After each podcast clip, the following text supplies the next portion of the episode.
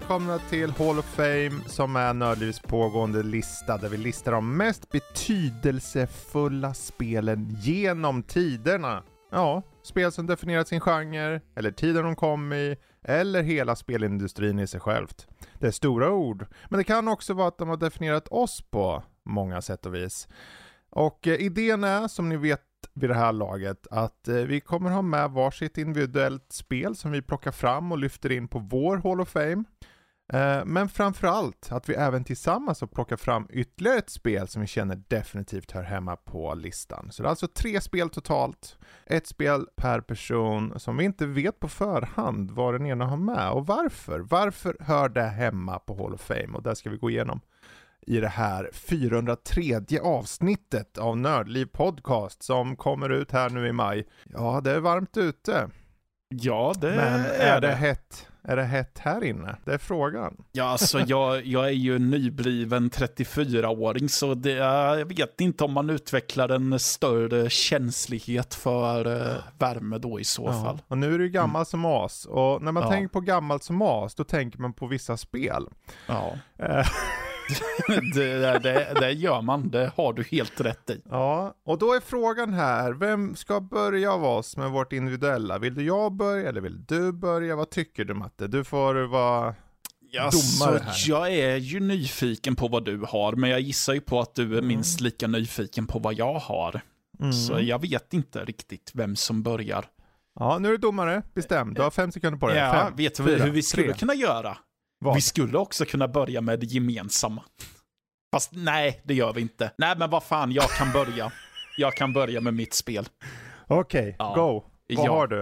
Eh, jag har ett spel eh, från ett företag som heter Revolution Software. De var utvecklare till eh, det här spelet. Mm. Mm. Jag har valt Beneath a Steel Sky. Oh. Mm. Ja, där har vi en som jag också har manglat en hel del. Ja, ja. Det släpptes 1994. Det är ett eh, cyberpunkigt eh, spel. Eh, Lite postapokalyptiskt också. Så det, vi spelar som, eh, vad heter han eh, nu igen? Robert Foster spelar vi Robert som. Foster, ja. Och hans eh, robotkompis Joey. De, de har växt, vuxit upp ute i eh, öknen i Mm. The Wasteland. Men så en dag så kommer det ett eh, flygfordon och eh, kidnappar Robert. Och Mm. skjuter ihjäl några ifrån ur stammen han har vuxit upp med. Mm. Eh, och då tar, hamnar han i en stad som är liksom byggd på höjden kan man säga. Och om jag minns rätt så är det ju högre upp du bor, ju mer status har du. Så att det är som ett hierarkiskt system här. Precis. Och han försöker ju, ja, först och främst bara ta sig ut härifrån, men eh, han inser sen att eh, han behöver ha reda på varför de ens Mm. har eh, kidnappat honom, för han börjar höra någonting om någon som heter Overman. Och då eh, blir han lite så här att vem är det här och vad vill han mig? Mm. Mm. Ja, det, Eh. det är ju en spännande premiss där. Vad, vad, Ja. vad är det som gör att det här spelet bryter igenom och, och, Eh. och liksom definierar sin genre? Jo, Liksom? dels är det ju den visuella stilen i början för att då får vi den här bakgrundsberättelsen berättad via en, eh, en som en serietidningsruter. Mm. Och det är ju ingen annan än Dave Gibbons som har gjort dem. Han var ju väldigt länge parhäst med Alan Moore, så han har ju bland annat tecknat Watchmen. Precis. Och jag är ganska säker på, var det han som gjorde V för Vendetta också? Jag Du skulle menar ju... illustrationsmässigt? Ja. Ja, alltså chansen finns. Nu river han runt här, in on air. Eh, så att säga. Men eh, Dave Gibbons är ju uppenbarligen en av de här engelska comic artists som, som, som verkligen står ut med sitt arbete. Eh, han gjorde, sa du Watchmen Eh, eller? eh, ja, Watchmen gjorde han. V Mm. för Vendetta var eh, David Lloyd. Precis. var det.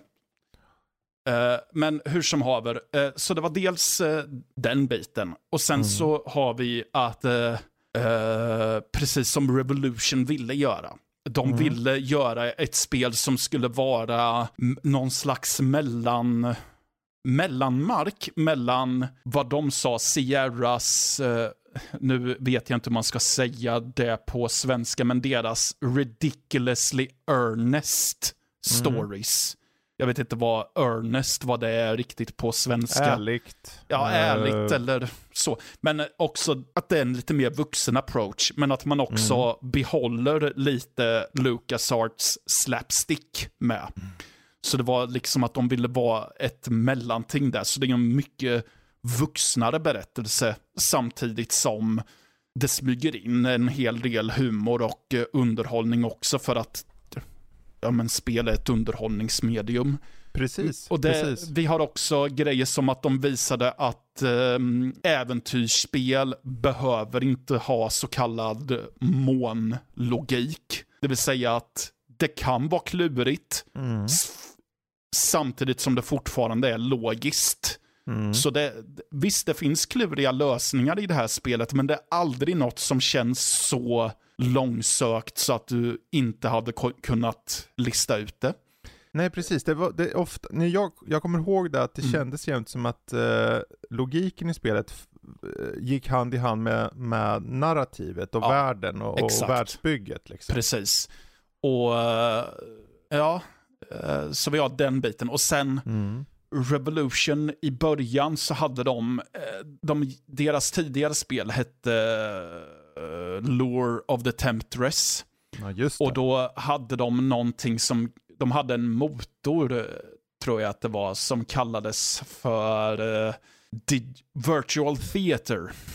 mm. Det vill säga att, eh, för vanligtvis i spel innan så hade, ja men, karaktärerna hade sin plats där de befann Mm. sig på, förutom huvudkaraktären då som gick runt eh, överallt.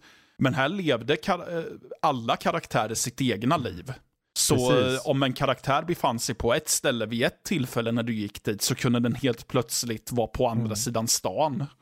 Exakt. Eh, det som var nackdelen med Lord of the Temptress var att de kanske gick lite väl mycket in på det här. Så det gjorde att eh, spelet var jättesvårt att ta sig igenom på grund av att eh, karaktärer inte befann sig på rätt ställen och så. Mm. Eh, Så här eh, i eh, det här spelet, så de behöll den här, men att de ändå la lite band på karaktärerna Mm. så att de hade lite mer bestämda platser de rörde sig på. Precis. Plus att det fanns också olika sätt att lösa problem på i det här spelet Mm. också, vilket också var ovanligt för sin tid. Och det är ju det hör ju till standard nästan nu för äventyrsgenren att, eh, eh, att är du alldeles för linjär nu för tiden, då är det liksom, men varför bemördade du det ens? Mm. Vi ska ju kunna påverka berättelsen och vi ska kunna ha olika sätt att gå tillväga på. Verkligen. Mm. Alltså jag kommer ihåg starkt det här spelet, eh, framförallt just den här berättelsen om eh, hur, hur det här samhället styrs av en tyrannisk liksom fascist-AI eller vad man kan kalla det. Ehm, och hur då man ska liksom lösa saker och ting, men man löser inom ett, och det, jag vart ju på den tiden förvånad, glatt förvånad över just det som jag har pratat nu, att den här logiken kändes approachable på något sätt. Mm. Och att och, och jag tror att just därför är Beneath the Steel Sky väldigt viktig för att den har liksom, det var ju en våg på slutet av 80-talet. Vi hade ju Monkey Island och, och, och spelen och så som Ja. förde in den här humorn och det här speciella tänkandet och då blev det nästan som en norm och efter det ville Mm. alla mäta sig med dem. Men då var det så här, till slut kom Revolution och sa okej men vi, vi kan göra något eget här. Ja. Vi kan försöka hitta en, en nisch eller en, en plats där Ja. man tänker på ett annat sätt. Och det har sen märks av, för i berättandet framledes så var det många som också tog det här Mm. med sig. Precis. Liksom. De visade väl också att, eh, den, att eh, äventyrsgenren inte behöver vara en gimmick heller, Mm. utan att det går Exakt. att berätta genuina berättelser och eh, göra inom situationstecken seriösa spel Mm. med det här också. Ja, exakt. Och jag tror det gick hand, och det kom ju hand i hand med att Dave Gibbons då, eh, illustratör för Watchmen och liknande, Mm. eh, var med. För att det, det var så här, när, när mediumet sakta men säkert blev mer och mer moget så blev, drog det till sig folk som kanske tidigare hade ansett det som oseriöst. Ja. Eh, och 94 eller däromkring när den här kom så var det så här, okej, det var fortfarande i sin linda så mycket, hela Precis. spelindustrin. Mm. Så att när då ett stort namn som Dave Gibbons är med och, och för det, ger det mer, vad ska man säga, autenticitet, mer le- legit, legitim liksom känsla för att det här är inte bara ren underhållning, det här kan också säga något. Exakt Det så. här säger något om samhället, det säger om, det, det kan vara dels en satirisk påminnelse i det, men framförallt just att det vill bara berätta något om hur det är samhällen och hur vi kan utvecklas. Och det är framförallt vad det här gav för ringar på vattnet och vad vi kan se liksom i vissa spel idag Mm. fortfarande. Exakt Så jag, så. jag tycker det var ett jättebra exempel faktiskt, och, och ett spel som nu definitivt hör hemma på Hall of Fame. Mm. Och eh, jag vill även lägga till att eh, vad som också var ovanligt tror jag, i alla fall i CD-ROM-versionen, det Mm. var ju inte nytt att du hade röstskådespel i spel. Men de här hade ju riktiga röstskådespelare. Mm. Och det är lite kul för att eh, först så försökte de använda sig av eh, teaterskådespelare ur det här The Shakespeare Collective eller vad det heter Mm. i England. Men de kände att nej, det här känns inte riktigt helt rätt. Mm. Nej, precis. Så då valde det, de eh, folk som var röstskådespelare snarare. Ja, Mm. och jag tror det gick ju hand i hand med just den här känslan att de vill, det, det ska inte bara, det är inte bara underhållning, Mm. utan de på riktigt är seriösa, de vill visa det, inte, inte, inte att jag säger att det är ett konstverk i sig, men att de ser det som konst, ser det som ett sätt att tala utåt, samtidigt som du som spelare får, får underhållningen i en god berättelse. Precis. Ja, och det, det är ett bra, jäkligt bra val. Ja. Kul. Tack. Jag är nöjd. Ja, eh, då är det tur att prata med mig, för jag har ju kört det där. Eh, och Ja. ett litet tips för er som är nyfiken på det, det är gratis på Steam. Det, Gå ja, in, bara ta det. precis. Ehm. Det är för övrigt gratis eh, överallt. Det är ett freeware-spel.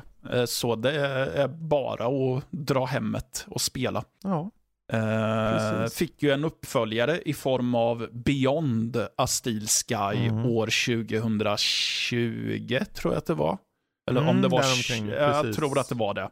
Eh, ett eh, inte lika revolutionerande som eh, första spelet såklart, men fortfarande bra och ändå kul att, de har, att det syns att de verkligen har utvecklat berättelsen och eh, även försökt att tillföra något nytt sätt till spelmekanik. precis. Mm. Ja, kul, där har vi det. Uh, Beneath a Sky. Och jag hoppar över till mig själv då. Lite, lite sådär knasigt.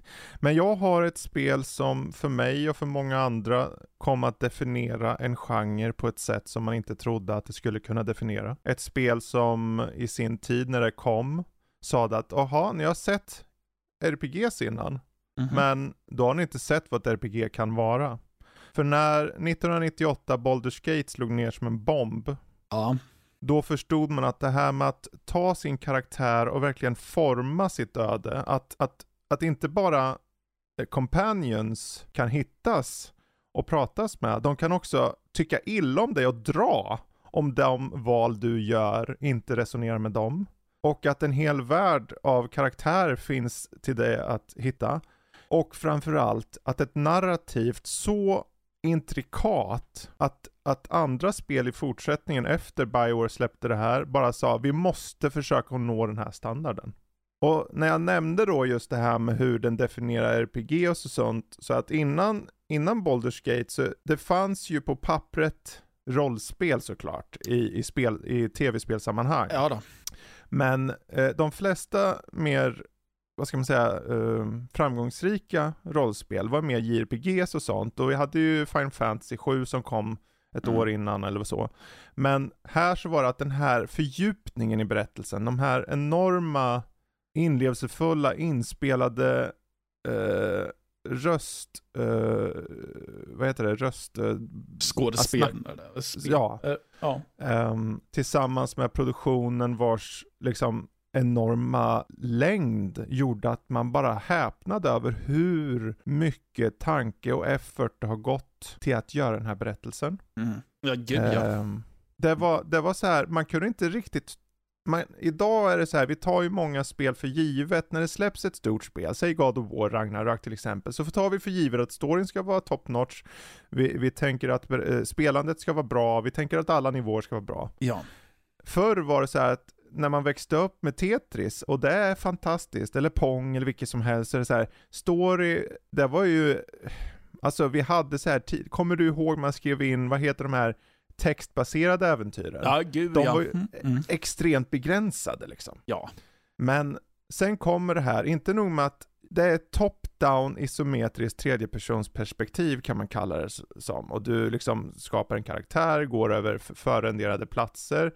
I förpackning kommer en enorm karta, du har en karta i världen och du kan ta dig runt och prata med individuella karaktärer, NPCs överlag. Och följa den här huvudhistorien men också mängder av sidohistorier där varje sidohistoria historia faktiskt har kött på benen. Mm. Och särskilt när det handlar om sidokaraktärerna och vad, hur du liksom interagerar med dem och deras berättelser. Ja. Eh, givetvis, allt det här har ju, det hör ju samman med andra utgåvorna, uh, Dungeons and, eh, Advanced Dungeons and Dragons rollspelsregler. Mm. Men det var aldrig någonting som märktes. Det var så här, du vet ju det man kastar tärningar och sånt i de här eh, i D&D och så, men det Ja. var ingenting som man märkte när du spelade. Nej. Utan du gjorde dina val, du fick leva med det. Och eh, att berättelsen liksom var narr, så hade en narrator ibland och det var liksom i prolog och sju kapitel, allting var genomfört och det var så, och den här stridsmecka, hur du, hur du tar det fram på kartan. Ibland ser du en fiende, okej, bäst strategi kanske är bara gå runt den. Ja. Du behöver inte slåss. Nej. Du kan hitta en annat sätt. Och när du ska slåss, då har de fört in att det är typ i realtid, men du kan välja att trycka på space, alltså pausa då. Mm. Vilket man kan tycka, men det här kan väl inte vara nytt? Trot eller ej, det var faktiskt ganska nytt. Ja, ja, ja, ja. Alltså det var ju, det, det är ju ett tag sedan nu. Ja. Eh, ehm, ja, jag har ju själv inte spelat Baldur's Gate. Eh, och jag tror att det var för att jag var rädd för att jag tyckte att det såg ut som ett eh, rent strategispel när det begav sig. mm, Men eh, på senare år har jag ju ifrågasatt varför jag inte ens fick för mig om att testa det. För jag har ju kört ett spel av den här typen senare, det Mm. vill säga top-down RPG. Och det, jag är ju väldigt förtjust i det. precis. Eh, Så. Och det- jag tycker att det är intressant det du säger, för jag tror ju att det faktiskt var första gången som eh, ett spel kom in i något slags eh, ja, men vardagligt prat, ungefär som när eh, ja, men, vi k- fikarummet när eh, Svenne Banan sitter och pratar om eh, eh, värvningar i eh, fotboll och grejer. Så jag har ju hört gamers prata om Baldur's Gate och prata om att eh, ja, men det är ingen bra idé att ta med den här karaktären i Jaha. sin roster för hon, hon, hon har inga bra förmågor eller han, han han, eh, han går ju inte i god för några val man gör. Han är värdelös att ta med. Och det var så här att i, precis så här pratar ju sportfån, sportintresserade Ja. om sina lag. Och jag tror att det var, för som du säger, det är ju många väldigt starka karaktärsporträtt Mm. som inte ens är din huvudkaraktär. Precis. Det är ju nästan så att eh, det är sidokaraktärerna som gör spelet här snarare. Mm. Eh, Så nej, jag, Verkligen, verkligen. ja, Men det, det där är intressant sen, för det, det är faktiskt helt sant. Det finns mm. Drist Urden som liksom Boo, go for ice, boo. Liksom Mm. han har en hamster på sina... ja. Så här, det, det här är ju inte karaktär som inte har funnits innan med all säkerhet så, men i, det här formatet och på det här sättet. Och sen detaljer som att det finns ett ryktesystem i spel som spårar dig och de moral, moraliska handlingar du har gjort och hur det påverkar hur du uppfattas och hur du kan lösa ett problem eller begå ett brott. Mm. det, och sådär. Och det är bara en detalj, det är just den här mångfacetterade, alltså för mig var det så här, jag vart jag kan inte svara för hur det står sig idag för att vi har gått vidare och det med rätta. Men på den tiden, jag hade kört ett år innan Final Fantasy 7 och det har verkligen eh, goda egenskaper. Men när jag spelade det här spelet så förstod jag okej, okay, alltså ett RPG kan vara så intrikat specifikt utifrån hur du vill spela. Mm. För många rollspel innan var du vet, du, du levlar och då läggs det bara på poäng på någonstans. Du mm. går bara, det står nu är du level 5, nu är du level 6 och that's it. Och sen blir du lite bättre i saker och ting. Men här var det, ja. du var tvungen att välja specifikt vilken väg vill jag gå, vilken typ av karaktär vill jag vara. Och i valen jag gör, för det här är intressant, för när du pratar om de här som pratar om spelet så sa de, ta inte med den här karaktären. Mm. Och det är intressant, för det säger egentligen mer om dem, för om mm. du kör som en ond karaktär och tar med en god karaktär, då kommer han dra. Och är det tvärtom så drar en ond karaktär om du får god till exempel. Så att beroende mm. på hur du kör så påverkar det. Ja. Och uh. jag vet inte, det var så, jag kan säga, för mig var det så här, när jag körde det här så mm. sa jag, jag kan inte gå tillbaka ja. till JRPGs, det kändes för tunt. Ja men jag tänkte just säga att jag tror också att vad, vad som är bra med vad som är så speciellt med Baldur's Gate, som jag har uppfattat det som, det är att, det kommer ju låta konstigt om man säger det nu, men jag tror att det var ett sätt att få ett rollspel att kännas lättillgängligt. Alltså visst, det är ju... Det är På ju... den tiden var det det? Ja, exakt. För jag tänkte säga, i dagens mått mätt, då är det här supernördigt och jättekomplext. Mm. Oh ja. Men jag men om man tittar på det och om man jämför det med eh, rollspel som kom innan, mm. så märker man att nej, det här är ganska, det här är ändå ett försök att göra det med saker som är väldigt, ja men eftersom att det är baserat på uh, Dungeons and Dragons mm. uh, regelsystem på den tiden, så är det liksom ett försök till att göra komplexa regler till lite mm. mer förståeliga för en spelare och strömlinjeformade Precis. lite mer. Men fortfarande Exakt. behålla så pass mycket så att det ändå känns, så att det ändå är ja. intrikat så. Exakt, för allting mm. gjordes under ytan och med flit. För att mm. du ska liksom, där, du, där du hade egentligen var den här, ty, den här typen av strategi, strategi som kanske fanns i när du väljer att slåss med någon. Mm. Du behöver inte pausa, du kan bara köra på. Du kan också pausa och, och förgöra dina actions. Som att, okej okay, jag har tre karaktärer, den mm. ska skjuta dit en eh, orb och den ska göra så och den ska hila. Och, och så gör du dem och sen startar du upp och då gör alla tre samtidigt det. Ja, det låter... Låter nästan som uh, Fallouts vattsystem. ja, ja, absolut. Mm. Um, och det är just så här, men jag, den, den, stora grejen, den här grundberättelsen då, för du spelar ju som uh, en karaktär va, som är en, um, vad ska man säga, han är en orphan typ till en, en och han är hos en, en magiker som heter Gorion eller någonting. Och en kort historia här då, det är så att han Eh, leds ut av sin eh, typ mentor, Go, eh, Go, Gorion heter han, det är ett konstigt namn. Eh, och, och får reda på, okej okay, det är någonting som är på väg hit, han vet inte vad. Det är Candlekeep där de bor. Ett bibliotek, eh, fästning kan man säga. Eh, och får inte så mycket instruktioner mer om att det är någonting som är lurt i världen och det är upp till dig att ta reda på vad. Det är inte nödvändigtvis att du är någon frälsare, utan tvärtom. Du är egentligen bara en kugge i hjulet här. Mm. Uh, men du kan bli en betydelsefull kugge. Men varför just du? Och sen hinner jag inte säga något mycket mer när en, en bad guy kommer ha ihjäl Gorayen rakt framför näsan på dig och precis på väg att ta koll på dig men bara försvinner mm. av olika anledningar. Och där står du med ett lik framför dig av den som är den enda som har haft om dig och du måste ta, försöka antingen rädda hans rykte eller rädda världen eller vad det nu är för någonting som står på spel här. Mm. Och den här berättelsen som följer är så intrikat trots att du hela tiden tar itu med andra NPCer. Och det liksom finns en stor twist på slutet. Mm. Um, jag vet inte, är, den för in uh, konspirationsteorier, den för in uh, dramatik, den för in liksom känslor på olika plan och det är så här den här typen av berättelser, det var det här som då definierade för mig och för hela rollspelsgenren hur ett riktigt djupt rollspel ska vara och därför skjuter vi in Baldur's Gate ja. på Nördlivs Hall of Fame. Mycket bra val tycker jag faktiskt. Det hade ja. ju inte känts eh, rätt om inte Baldur's Gate hade fått vara med. Nej, jag känner, och det är så här, det är så, precis som med, med uh, Beneath a Steel Sky och, och, också att det finns så mycket mer man kan prata om. Då är det så ja. ni vill prata om de här spelen, hoppa in på vår Discord Eh, ni hittar ju på nördliv.se, eh, en liten knapp på höger sida, står Connect, hoppa in och så skriv egentligen i spelchatten som vi har, speldiskussion, och vad ni tycker. Är det här värt att vara på Hall of Fame? Skulle ni ha valt ett annat spel? Eller whatever, skriv där. Mm. Men med det sagt, det är ju så faktiskt så här att eh, vi har ju tillsammans också kommit fram till ett spel och det är oftast när man, som ni märkt nu eh, i ett gäng avsnitt så handlar det lite om vilka två är med, vad är det som korrelerar oss emellan sett i spel. Och vi har kommit fram till ett eh, lite annorlunda spel än de två tidigare. Det är ett bra varierat avsnitt det här.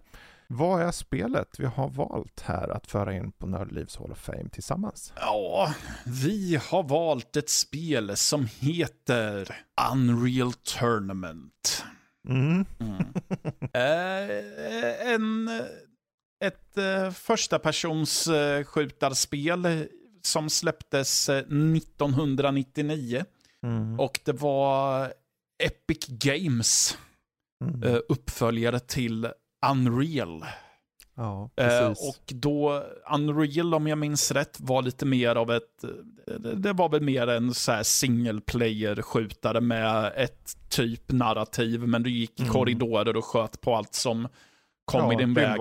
typ. Ja, Sådär. vad Unreal Tournament gjorde var att eh, de gjorde istället en slags arena av det hela. Så att du antingen var själv och sköt på datastyrda eh, fiender eller spelare. Eller så eh, hoppade du in i ett nätverk och spelade med dina kompisar eller Mm. mot, jag vet inte om man kunde spela mot främlingar också, men Jo då. och eh, röjde runt i eh, vad som verkligen får sägas sen idag är väldigt mycket übervåld. Alltså typ eh, du spränger någon i småbitar med raketgeväret och Ja. lite så. Mm.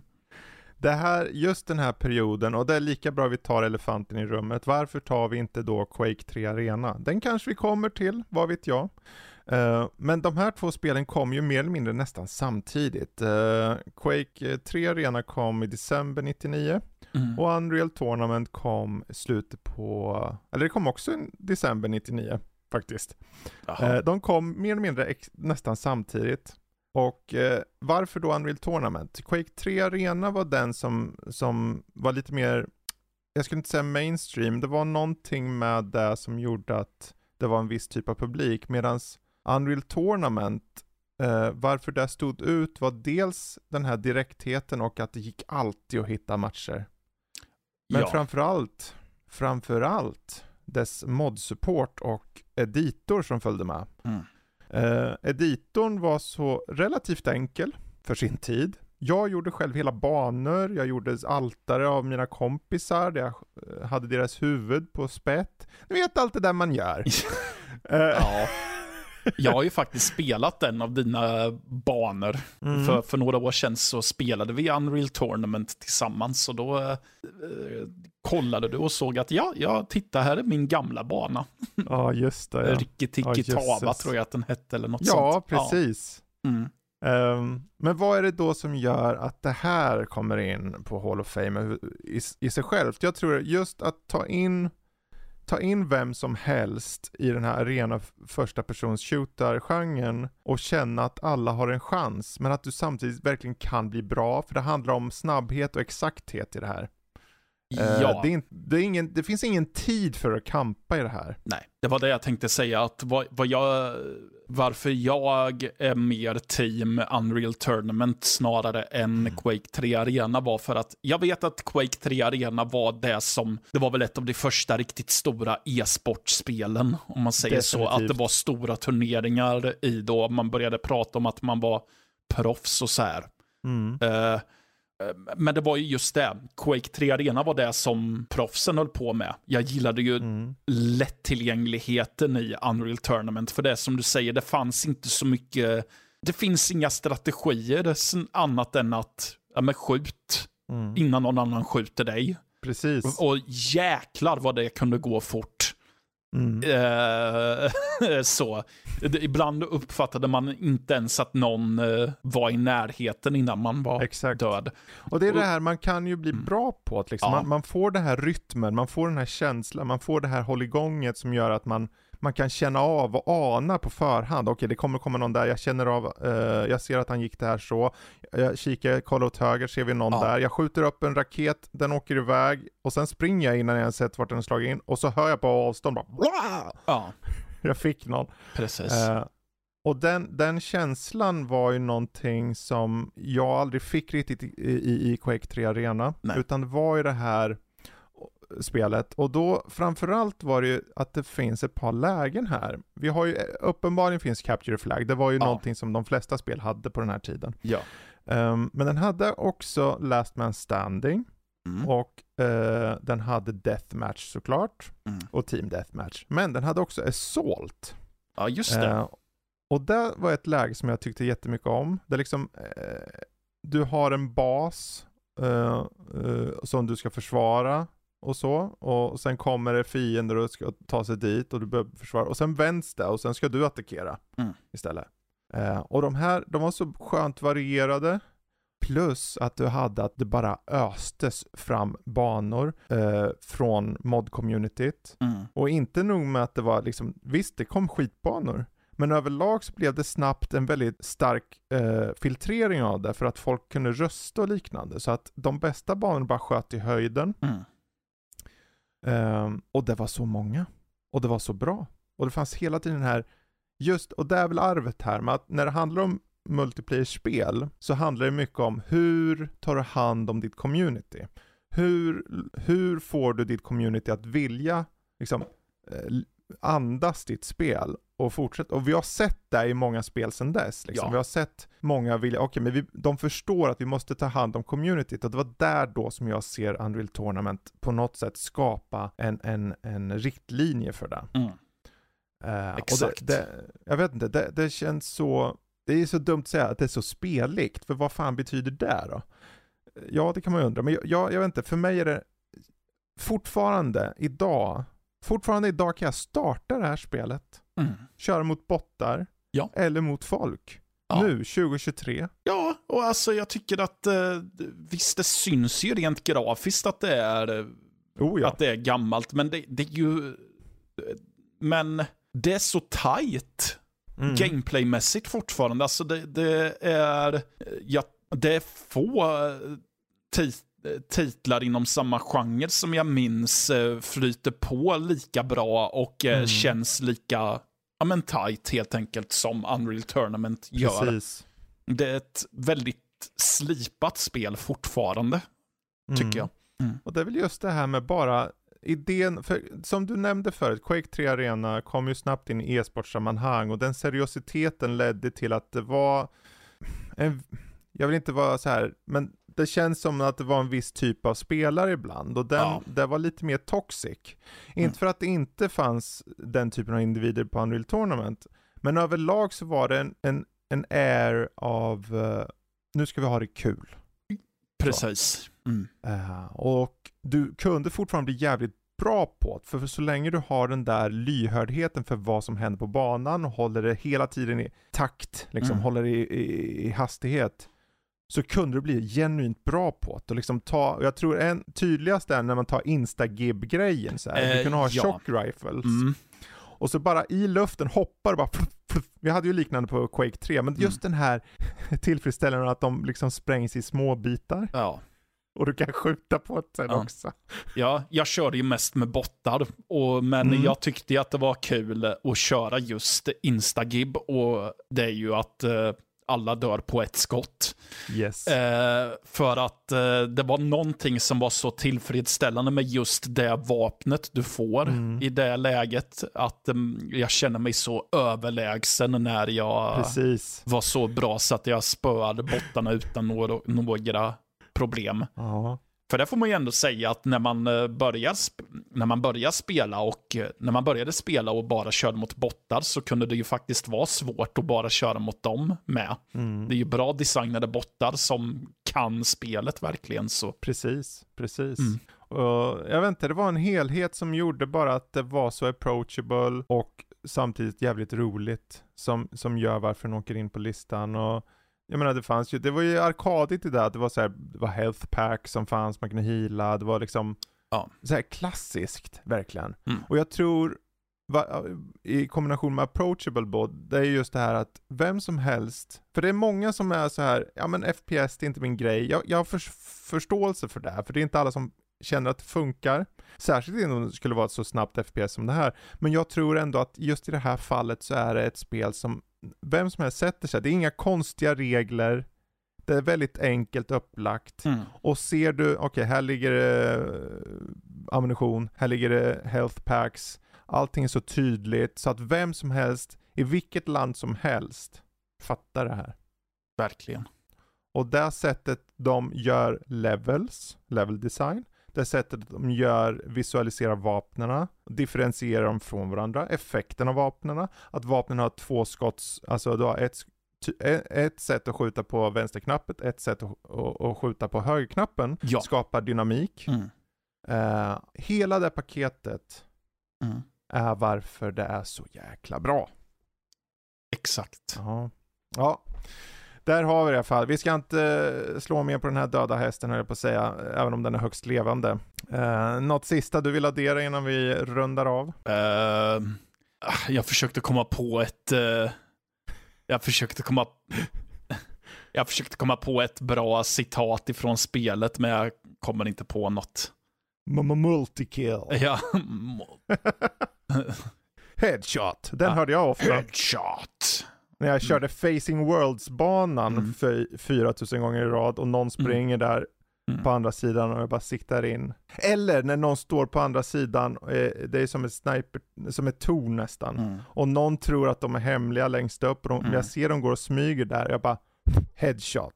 Ja. Bara, hade de inte, när du hade skjutit ett visst antal på raken utan att ha dött själv, att det kom något i stil med frenzy kill eller något sånt där. Yes, exakt Och sen, så. om man dödade ytterligare fler så var det unstoppable. exakt så. Mm. exakt så. Ja. ja, det är ju också det här för att göra någonting tillfredsställande liksom. Mm. Mm. Men tillfredsställande kan också vara att avsluta någonting och eh, där har vi dagens lilla avsnitt här nu mm. när vi spelar in det här 403 avsnittet. Mm. Eh, lyssna igen nästa vecka, då är det ett ordinarie avsnitt, se vad som har hänt i veckan. Det återstår att se. Men eh, jag tackar dig Matte. Och jag tackar Fredrik. Ja, så säger vi game on för er där ute. Vi hörs. Hej!